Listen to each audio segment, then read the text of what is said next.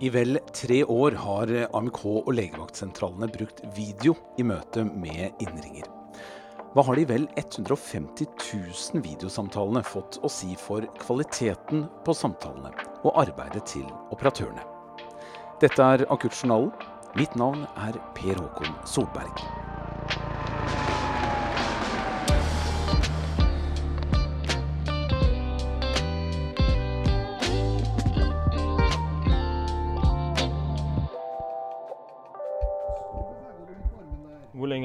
Hatt vondt i brystet ditt?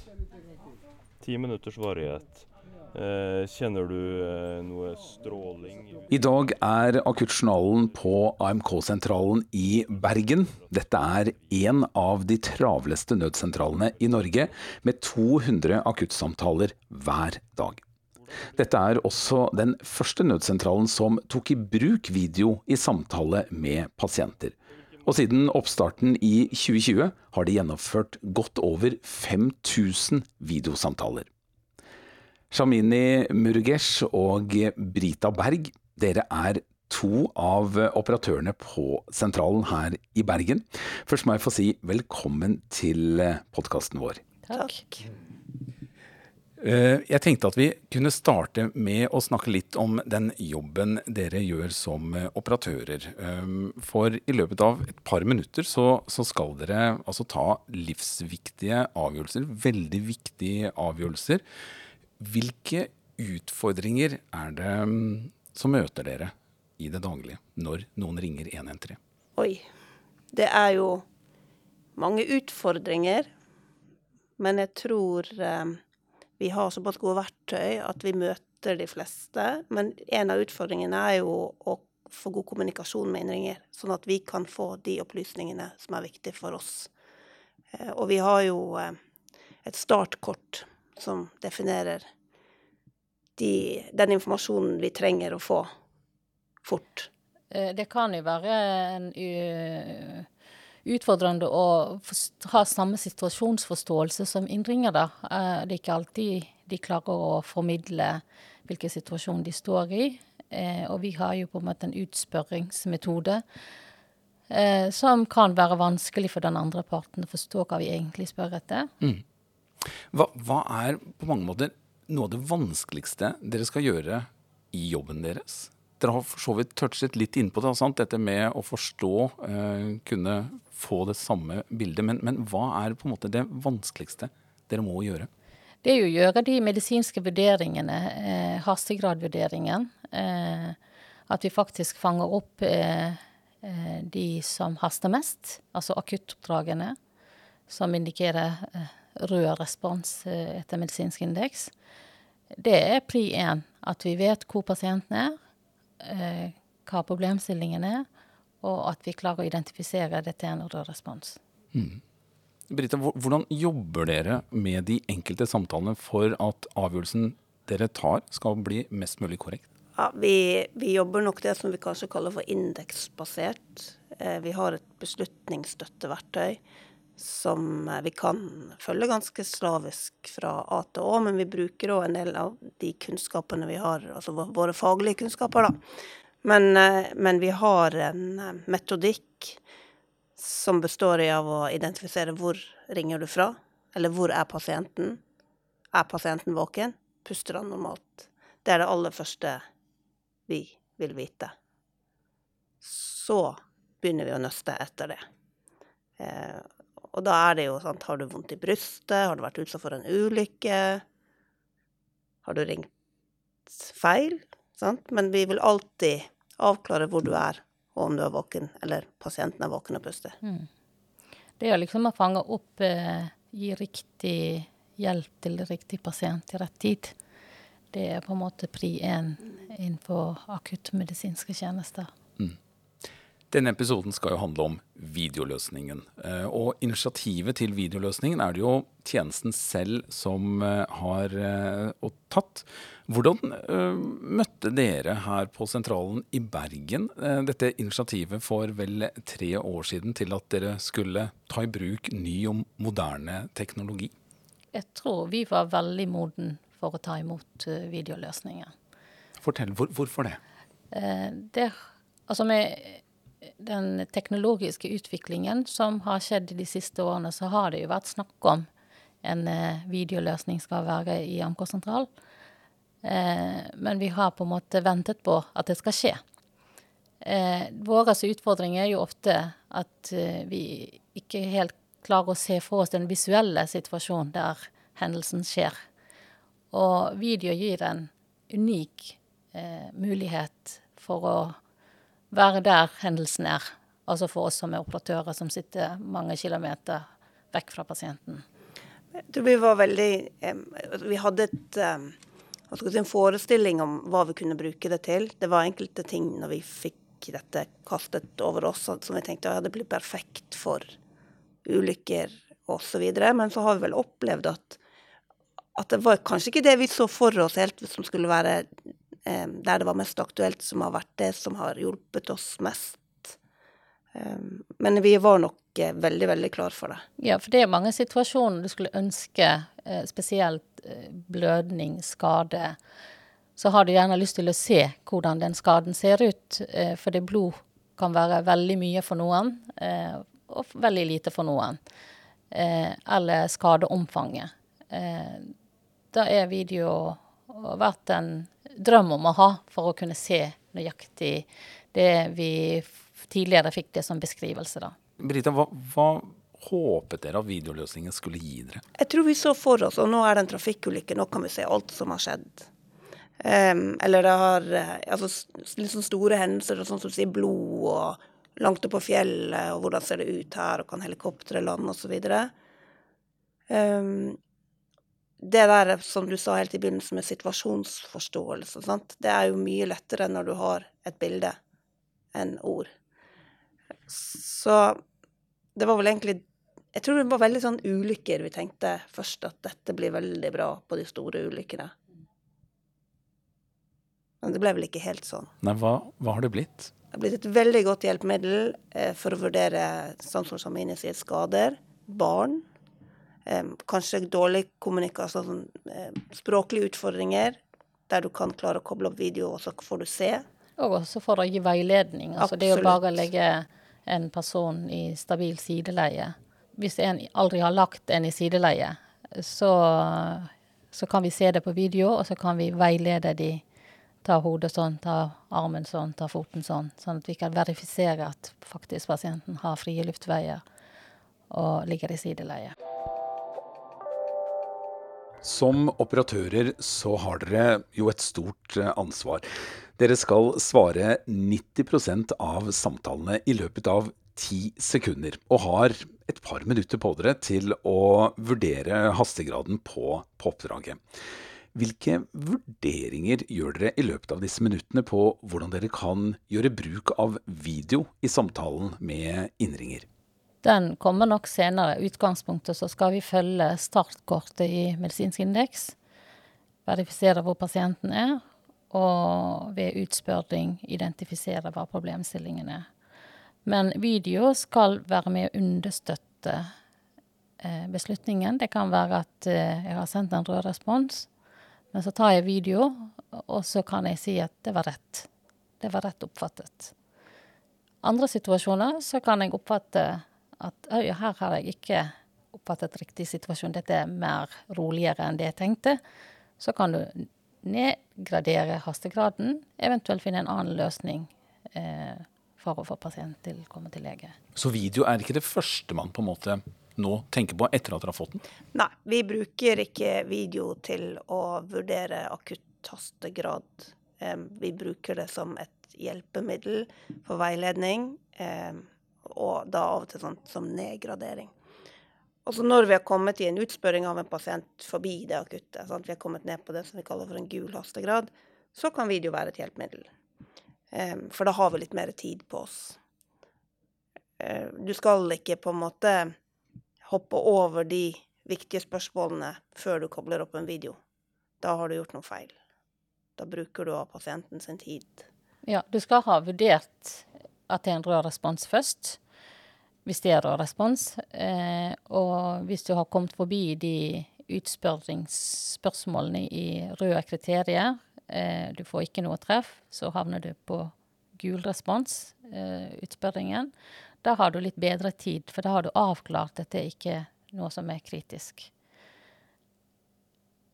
Og da kan du bruke litt tid på å koble opp mot video, men det er jo ikke alltid teknologien fungerer heller. Eh, så det å begynne å bruke video og bruke masse tid på å ikke få det til, da taper vi masse tid. Så derfor er det viktig å avklare eh, hastegraden først. Mm.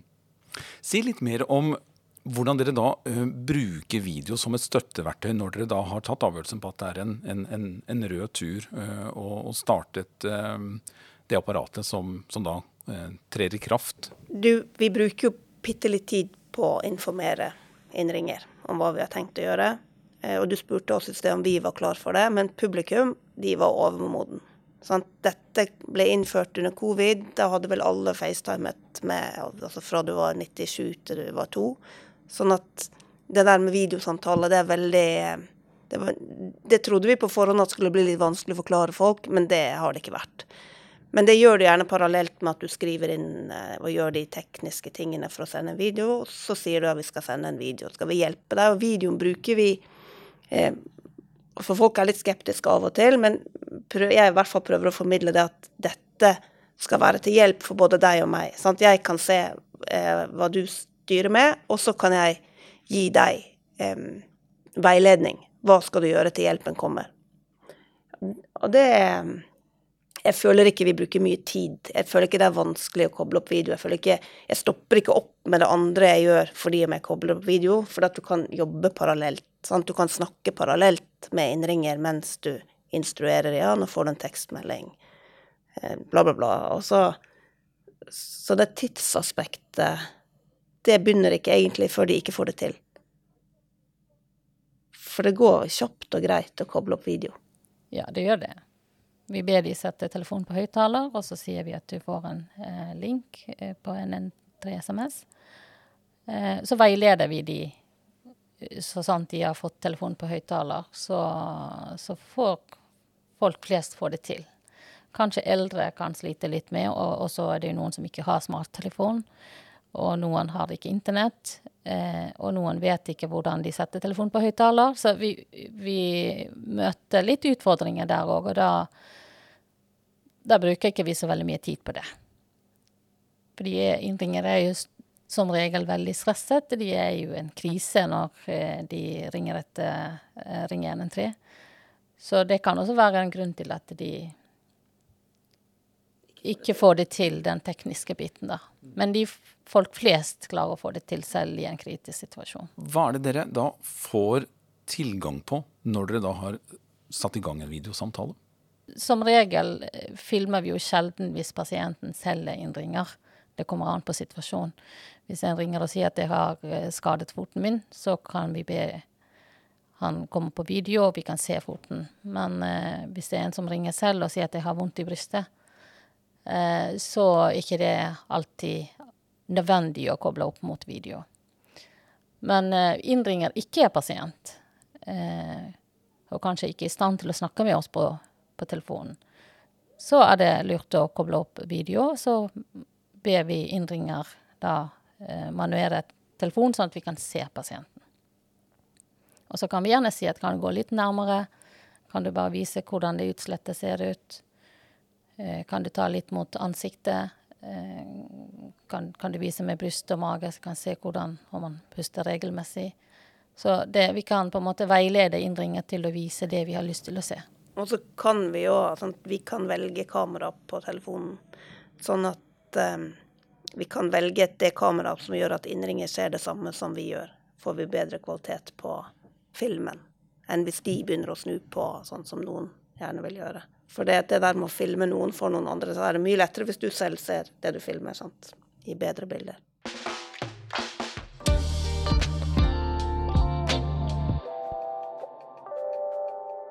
Vi snakker om eh, videoløsningen i akuttjournalen, og nå har eh, du Stine Næss eh, kommet i studio. Velkommen til podkasten vår.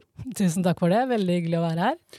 Du er prosjektleder i Stiftelsen Norsk Luftambulanse, og har jobbet veldig mye med den videoløsningen. En av de to videoløsningene som brukes av sentralene ute i landet. Og det er ett tall som imponerer meg, Stine. Og det er 150, tett på 150 000 videostrømmer.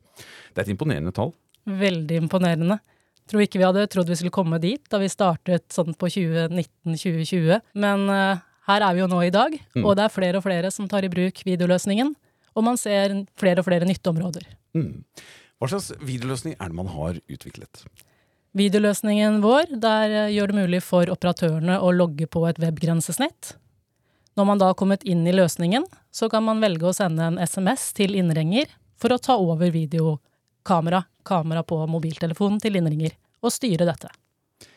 En ganske avansert teknisk løsning som eh, operatørene omfavner og bare tar mer og mer i bruk? Ja, det er en avansert uh, løsning, men det er et veldig enkelt brukergrensesnitt, og det, det, gjør det superenkelt for operatørene. Mange av de som var veldig skeptiske i starten, de er de som har omfavna løsningen aller mest, når de ser hvor enkelt den er å bruke. Hvem er det som som bruker løsningen? Per i dag så er det ti AMK-sentraler og 83 legevaktsentraler i Norge som bruker løsningen, i tillegg til Hovedredningssentralen. Og så har vi i tillegg også noen sentraler i Sverige som bruker videoløsningen vår. Du sitter på en del statistikk. Eh, vi har nevnt tallet 150 000, men, men ta oss litt mer på baksiden og, og gi oss et lite innblikk i, i statistikken for, for videoløsningen. Hva sier tallene? Tallene sier at uh, bruk av video, det øker. Uh, fra starten i 2020, eh, hvor pilotprosjektet startet, så hadde vi ca. 25 000 det første året. Og så etter at HDO tok over driften i 2021, så har det blitt ytterligere 130 000 videostrømmer. Nå så er det ca. 2000 videostrømmer per uke som blir gjennomført på sentralene. Mye av det skyldes jo at det er flere brukere, flere sentraler som er kommet på. Eh, og i tillegg så ser man jo nytteverdien av video, og bruker det kanskje mer og mer, selv om det fremdeles er kun 4-5% av alle samtaler som man får ellers, som blir brukt til video. Hvorfor valgte Stiftelsen Norsk Luftambulanse å være med på, på dette arbeidet? En, et av våre formål er jo å fremme akuttmedisin, styrke den akuttmedisinske kjede. Og AMK legevaktsentraler er jo en del av den kjeden. Vi ser jo nå Framover nå så er det jo mer og mer ressurser som blir brukt. Verden endrer seg jo litt. Og ved å utvikle denne videoløsningen, så kunne da operatørene bruke en ny funksjon. Få øyne, dermed få bedre situasjonsforståelse og det vil jo kunne gjøre at man kan gjøre, gi både riktigere og raskere hjelp til innringer. Og alt dette vil jo gjøre totalt sett at ressursbruken blir litt annerledes. Og vi er enormt privilegerte som får lov til å samarbeide med både Helsedirektoratet, AMK og legevaktsentraler, samt HDO som drifter løsningen, for å styrke den prehospitale kjeden. Og vi fortsetter å videreutvikle løsningen basert på behov og tilbakemeldinger fra brukerne våre.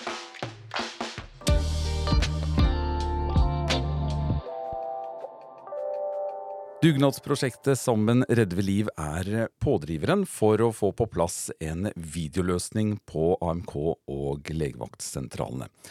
Og det er Helsedirektoratet som har prosjektlederansvaret, og da er det jo ekstra hyggelig å kunne si velkommen til Akuttjournalen, Steinar Olsen. Tusen takk. Veldig hyggelig å være her. Du er eh, avdelingsdirektør for akuttmedisin og beredskap, og har stått sentralt i både utviklings- og implementeringsarbeidet med videoløsningen. Hva var det dere så gjennom dugnaden som hadde som mål å både øke kunnskap og, og ferdighet i befolkningen i, i, forhold til førstehjelp? Hva, hva, så dere i denne løsningen som utløste behovet for videoløsningen? Vi har jo sett gjennom dugnaden at eh, befolkningen er jo den viktigste ressursen. Og når de ringer 113, eller til legevakt, 116 117, så foregår det en dialog mellom eh, sykepleier og den som er på stedet. Og det da å klare å skjønne hva er det faktisk som har skjedd, bare gjennom å lytte på en som kanskje er veldig stressa, det kan være en veldig vanskelig situasjon for de som sitter i en AMK eller legevaktsentral. Så Derfor så tenkte vi at hvis du da kan få et bilde i tillegg, så kan kanskje det hjelpe til å skjønne situasjonen bedre og gi bedre veiledning til den som står i en kanskje forferdelig vanskelig situasjon. Det var inngangen til dette. Når vi da begynte å jobbe med det, så så vi at det var også en annen type situasjoner der man er i tvil. Er det faktisk nødvendig at vi gjør noe med dette nå? Eller kan vi hjelpe vedkommende til kanskje å klare seg hjemme selv, og gå til egen lege i morgen? Og Det har utviklet seg etter hvert som vi har prøvd ut teknologien. Så Nå er det både det eh, superakutte, men også det mindre akutte, hvor disse videokonsultasjonene brukes eh, hyppigere og hyppigere. Mm. Vi må snakke litt om hvordan dere fra Helsedirektoratet ser uh, at løsningen brukes. Hva slags erfaringer sitter dere på nå? Nå har dette vært, vært evaluert av flere, ikke minst av de som, som, bruker det. Og vi ser at det er mange positive erfaringer med det. Man får en bedre dialog, man får lettere satt seg inn i situasjonen. Men vi ser også at det er noen utfordringer. Eh, både i forhold til eh, at det tar litt mer tid, og at det krever mer opplæring av operatørene i sentralen. Så dette krever en god implementering i samarbeid med fagmiljøene der ute for at det skal bli en, en suksess sånn som det har blitt. Mm. Den første løsningen kom jo på plass i, i 2020. Um, ehm, har det vært en enkel vei å få dette på plass, både sånn teknisk, men, men kanskje mest uh, overfor uh, operatørene? Og få de til å begynne å tenke litt i en annen retning? Dette skjedde jo midt under pandemien. Uh, så det var krevende å komme ut til alle sentralene midt under en pågående pandemi. Samtidig så var pandemien også en driver til å få disse løsningene ut. For vi måtte begynne å jobbe annerledes. Vi måtte tenke annerledes, spesielt i forhold til de som kanskje ikke behøvde å komme til lege der og, og da. Så det har ikke vært enkelt, men sammen med stiftelsen, sammen med mange gode fagfolk der ute, og ikke minst Senter for legevaktsmedisin og NAKOS, så har vi fått dette til på en eh, god måte. Initiativet kom fra tjenesten selv. Mm. Og det er kanskje noe av det som er veldig spennende med dette, dette prosjektet. At dette kom fra helsetjenesten, fra Oslo universitetssykehus og en del ivrige sjeler som så mulighet til å utvikle. Fikk støtte av innovasjonsmiljøet til stiftelsen, og vi fikk politisk oppmerksomhet på det og klarte å få til et godt samarbeid mellom sektoren en frivillig eh, stiftelse og et politisk engasjement for å få til nye måter å jobbe på. Det har vært en, en suksess i dette prosjektet, og jeg tror det er framtiden. At vi som myndigheter må være lydhøre for eh, behovene i, tjenesten og finne nye måter å samarbeide på, og også utvikle tjenesten på. Det er en, en funksjon i Eh, videoløsningen som, som, kalles for medtitt, hvor altså operatøren kan koble på andre fagressurser. Mm. slik at det blir flere øyne som, som ser eh, på, på, den ulike hendelsen. Hva ser dere i forhold til bruken av medtitt i forhold til det at operatøren starter en videoløsning? Vi tror nok at den type utvidelse av bruk av teknologi kommer til å være en fremtid. Dels hvor en sykepleier i en legevakt kan få støtte av en lege som har legevakt, eventuelt en sykehuslege som kan bli med i en samtale, f.eks. omkring en slagpasient. Alternativt at personellet på vei til stedet også kan få se situasjonen før de kommer fram. Så vi har, tror jeg, bare sett starten på hvordan vi kan bruke teknologi til å utvikle den akuttmedisinske kjede i mange retninger. Men Steinar, det, det, ligger en utfordring i denne funksjonen knyttet til fakturering av og refusjon for andre fagressurser som kobles på. Hvordan tenker man at man skal løse dette når implementering av ny teknologi og regelverket ikke passer som hånd i hanske? Ja, vi ser det at spesielt på, på, legevakt så henger ikke refusjonsordningene med på den teknologiske utviklingen. Og det har vi som myndigheter fokus på hvordan vi kan tilpasse oppgjørsordningene og finansieringsordningene til nye måter å jobbe på. Det gjelder dels for den enkelte lege som har vakt, men det gjelder også mellom spesialist- og kommunehelsetjeneste, hvor man får en ansvars- og oppgaveforskyvning. Og da må vi sikre at det er insentiver og finansieringsmuligheter for denne type teknologi. Mm. Men det er i dag et uh, nasjonalt krav da, til at uh, 80 av alle, samtaler som uh, kommer inn til legevaktsentralene skal besvares i løpet av to minutter. Og hos AMK så er kravet at 90% av samtalene skal svares innen ti sekunder. Fører videoløsning og det at man, en operatør skal ta i bruk en videoløsning til en forsinkelse, eller en, ser dere en effektivisering i, i arbeidet mellom operatør og innringer? Mhm. Det, når vi tar i bruk video og bruker mer tid i samtalen, så betyr det at vi flytter ressurser. Da må vi flytte ressurser til det punktet. Samtidig så ser vi at det kan effektivisere den videre håndteringen av pasienten. F.eks. at vi raskere kommer til og raskere får et godt forløp for den enkelte pasient. Kanskje slipper en tur på legevakta. Eller vi ser at uh, pasienten kanskje kan vente og besøke fastlegen dagen etter. Det er en effektivisering. Så når vi gjør den type endring, så må vi også dynamisk endre måten vi jobber på, og ressurssetter organisasjonen vår. Ja, ja, hvordan, hvordan, påvirker videoløsning og bruk av videoløsning eh, kapasiteten på sentralene? Vi tror nok kanskje at eh, noen sentraler må oppbemanne for å kunne ha den løsningen der ute. Samtidig vil det gjøre at andre deler av den samme tjenesten blir mer effektiv og kan jobbe enklere, og vi kan håndtere flere pasienter samla sett. Dette er bare starten på en reise som vi må gjennom. Vi blir stadig flere eldre, færre hender som skal håndtere flere, og da må vi jobbe smartere og bedre. Og dette er bare en liten, liten start på en stor revolusjon som vil treffe den akuttmedisinske kjede. Vi fortsetter nå samtalen fra AMK-sentralen her i Bergen og Shamini og Brita. Vi hørte Steinar Olsen eh, snakke litt om medtittfunksjonen. Jeg har litt lyst til å høre fra dere som eh, operatører. Hvor ofte kobler dere på andre fagressurser på en videosamtale dere har med en eh, innringer? Kanskje ikke ofte nok. Vi bruker det en del eh, opp imot spesialisthelsetjenesten, der vi ikke kan gjøre de vurderingene Eller noen andre kan gjøre vurderingene bedre enn oss, da, kan vi vel si. F.eks. plastikkirurgiske pasienter. Er dette noe som skal komme rett til plastikkirurgen, eller er det noe legevakten kan håndtere, f.eks.? Brannskader osv. Ja, typisk. Eh, bruker vi det på luftambulanselegene? Bruker vi det litt med? Eh, skal vi rykke ut? Eh, er dette noe for oss? Kan de kan også komme med gode råd til, eh, til innringer, sant? Så er det egentlig mulighetene ubegrenset. De fleste som vi foreslår det for, syns det er et godt supplement. Men du, altså sier, men du, sier, at dere bruker det kanskje ikke nok. Hva, hva hindrer dere i å bruke det mer? Det som der er det kanskje litt den tiden. Sant? Den tiden det tar å få en jordmor inn på tråden eh, før Altså versus den tiden det tar å få ambulanse ut på stedet. Så, så, må det på en måte være en gevinst for pasienten å få den inn på. Um, og det må ikke bli sånn knot. Sant? For av og til så blir det sånn um, De som har gjort det før, de kan det, de skjønner, de vet hva vi driver med. Men så er det de som aldri har vært borti det før, som kanskje eh, syns det er litt vanskelig å forholde seg til det. Og det er nesten sånn at det er vanskeligere å veilede helsepersonell i bruk av video enn publikum. Fordi at det er så uvant for mange. Ja, enig.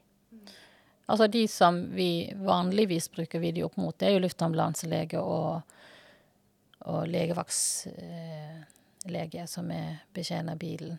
Eh, de er vant til å bruke det, og det går veldig fort å få de på medtytt. Men, eh, men få f.eks. en hudlege til å komme inn på medtytt og se på en uh, utslett f.eks., eller en hudsykdom, så kan det være For de er ikke vant til å gjøre det, og da bruker du masse tid på å veilede de i tillegg til at du har en innringer på telefonen der. Men nå var det kanskje et feil eksempel, for det haster jo sjelden med en sånn hudsykdom. Men, men da selv om vi, vi, har tid til å kunne gjøre det, så, så kan det være eh, tidskrevende å veilede både den som skal være på medtitt, og samtidig som du har pasienten. Og så skal du prioritere neste nød som ringer. Mm.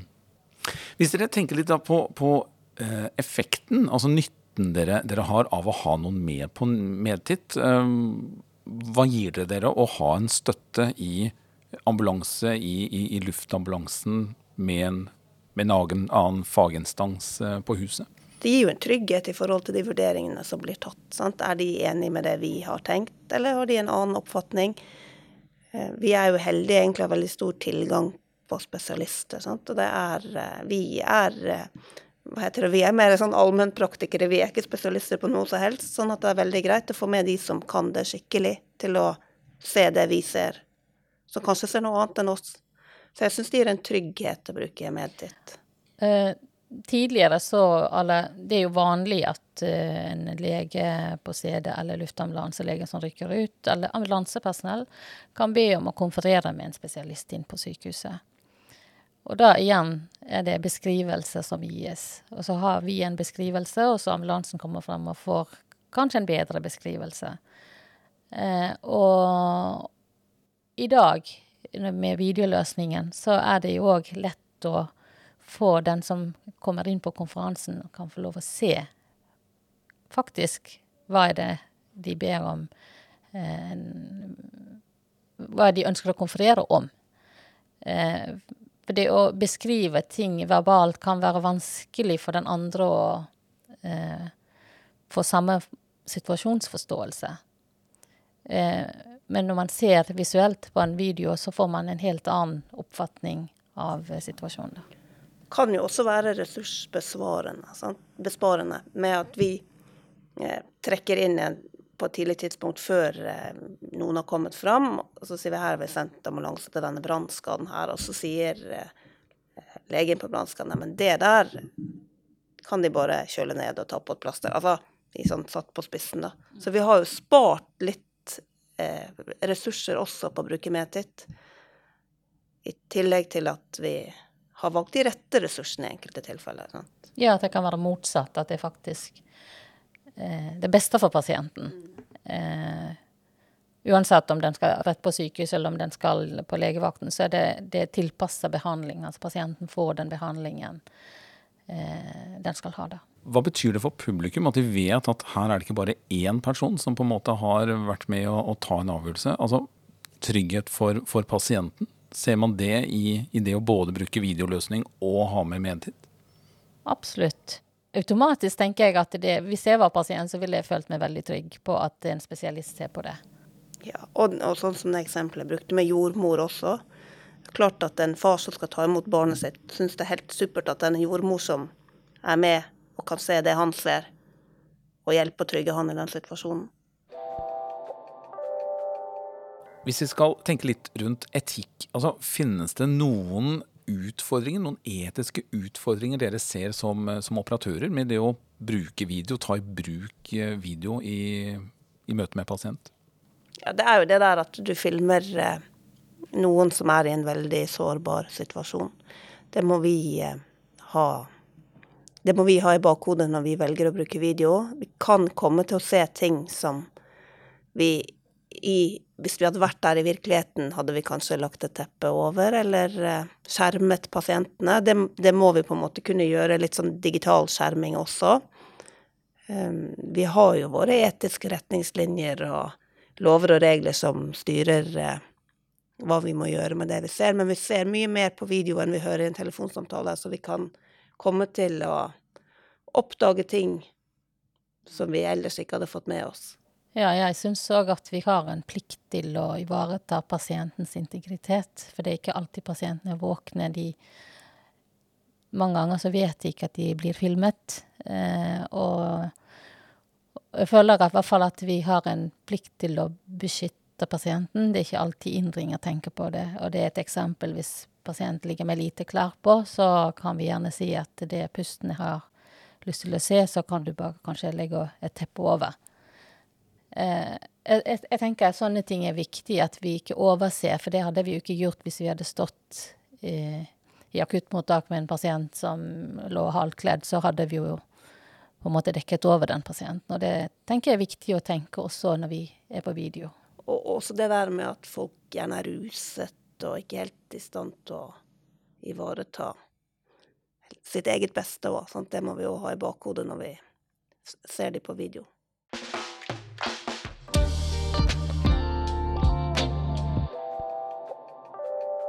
Vi nærmer oss slutten på denne episoden av Akuttjournalen, hvor vi snakker om videoløsning i bruk på AMK og legevaktsentraler.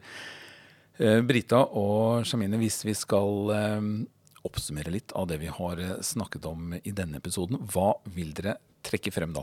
Ja, det er jo det som vi var inne på innledningsvis. Video gir oss en mulighet til å skape riktig situasjonsforståelse og den understøtter også at den beslutningen jeg tar, eller den responsen som jeg har besluttet, er riktig. Den hjelper også til å sikre at vi gir individuell veiledning. Eh, at vi sikrer at den veiledningen vi gir, blir utført på en riktig måte. Ja, jeg syns jo video er et fantastisk hjelpemiddel. Vi kommer jo hjem til pasientene. Vi kan jo gjøre masse der. Og du snakket også innledningsvis om det med tidstap på den tiden vi bruker på å koble opp video og veilede innringere i hvordan man gjør det. Men gevinsten er mye større enn det tidstapet. Jeg tror eh, alle profitterer på videobruk. Både vi, ambulansetjenesten og pasientene. Ja, og ikke minst så gir også video mulighet til å vurdere operative forhold. Både altså pasient som er på fjellet, vi kan filme været. Eh, er det trær, eller er det mulighet for å lande, luftambulansen kan lande? Vi kan også se hjemme hos pasienten. Ligger pasienten i en krøket situasjon under bord eller sofa? At vi må kanskje ha flere ressurser til å frigjøre pasienten. Eh, så det, den gir også uh, mulighet til å vurdere operative forhold, da. Og der òg vil vi jo ha tidsgevinst, hvis vi på forhånd kan se at her trenger vi flere ressurser ut. Mm, at ikke første bilen kommer og sier at her trenger vi hjelp. Da må vi, de vente på hjelpen skal komme. Så kan vi være føre var allerede og sende to biler på en gang. Du har lyttet til en fagpodkast fra stiftelsen Norsk Luftambulanse. Og hovedgjestene våre i dag har vært eh, Shamini Murugesh og Brita Berg, AMK-operatører på 113-sentralen i Bergen. Vi har også snakket med avdelingsdirektør i Helsedirektoratet, Steinar Olsen, og prosjektleder i Stiftelsen Norsk Luftambulanse, Stine Næss. Husk å melde deg på nyhetsbrevet vårt, så får du mer fagrelatert informasjon om den prehospitale tjenesten. Link finner du i episodebeskrivelsen. Og har du tips om relevante temaer, så send oss gjerne noen ord på akuttjournalen at norskluftambulanse.no.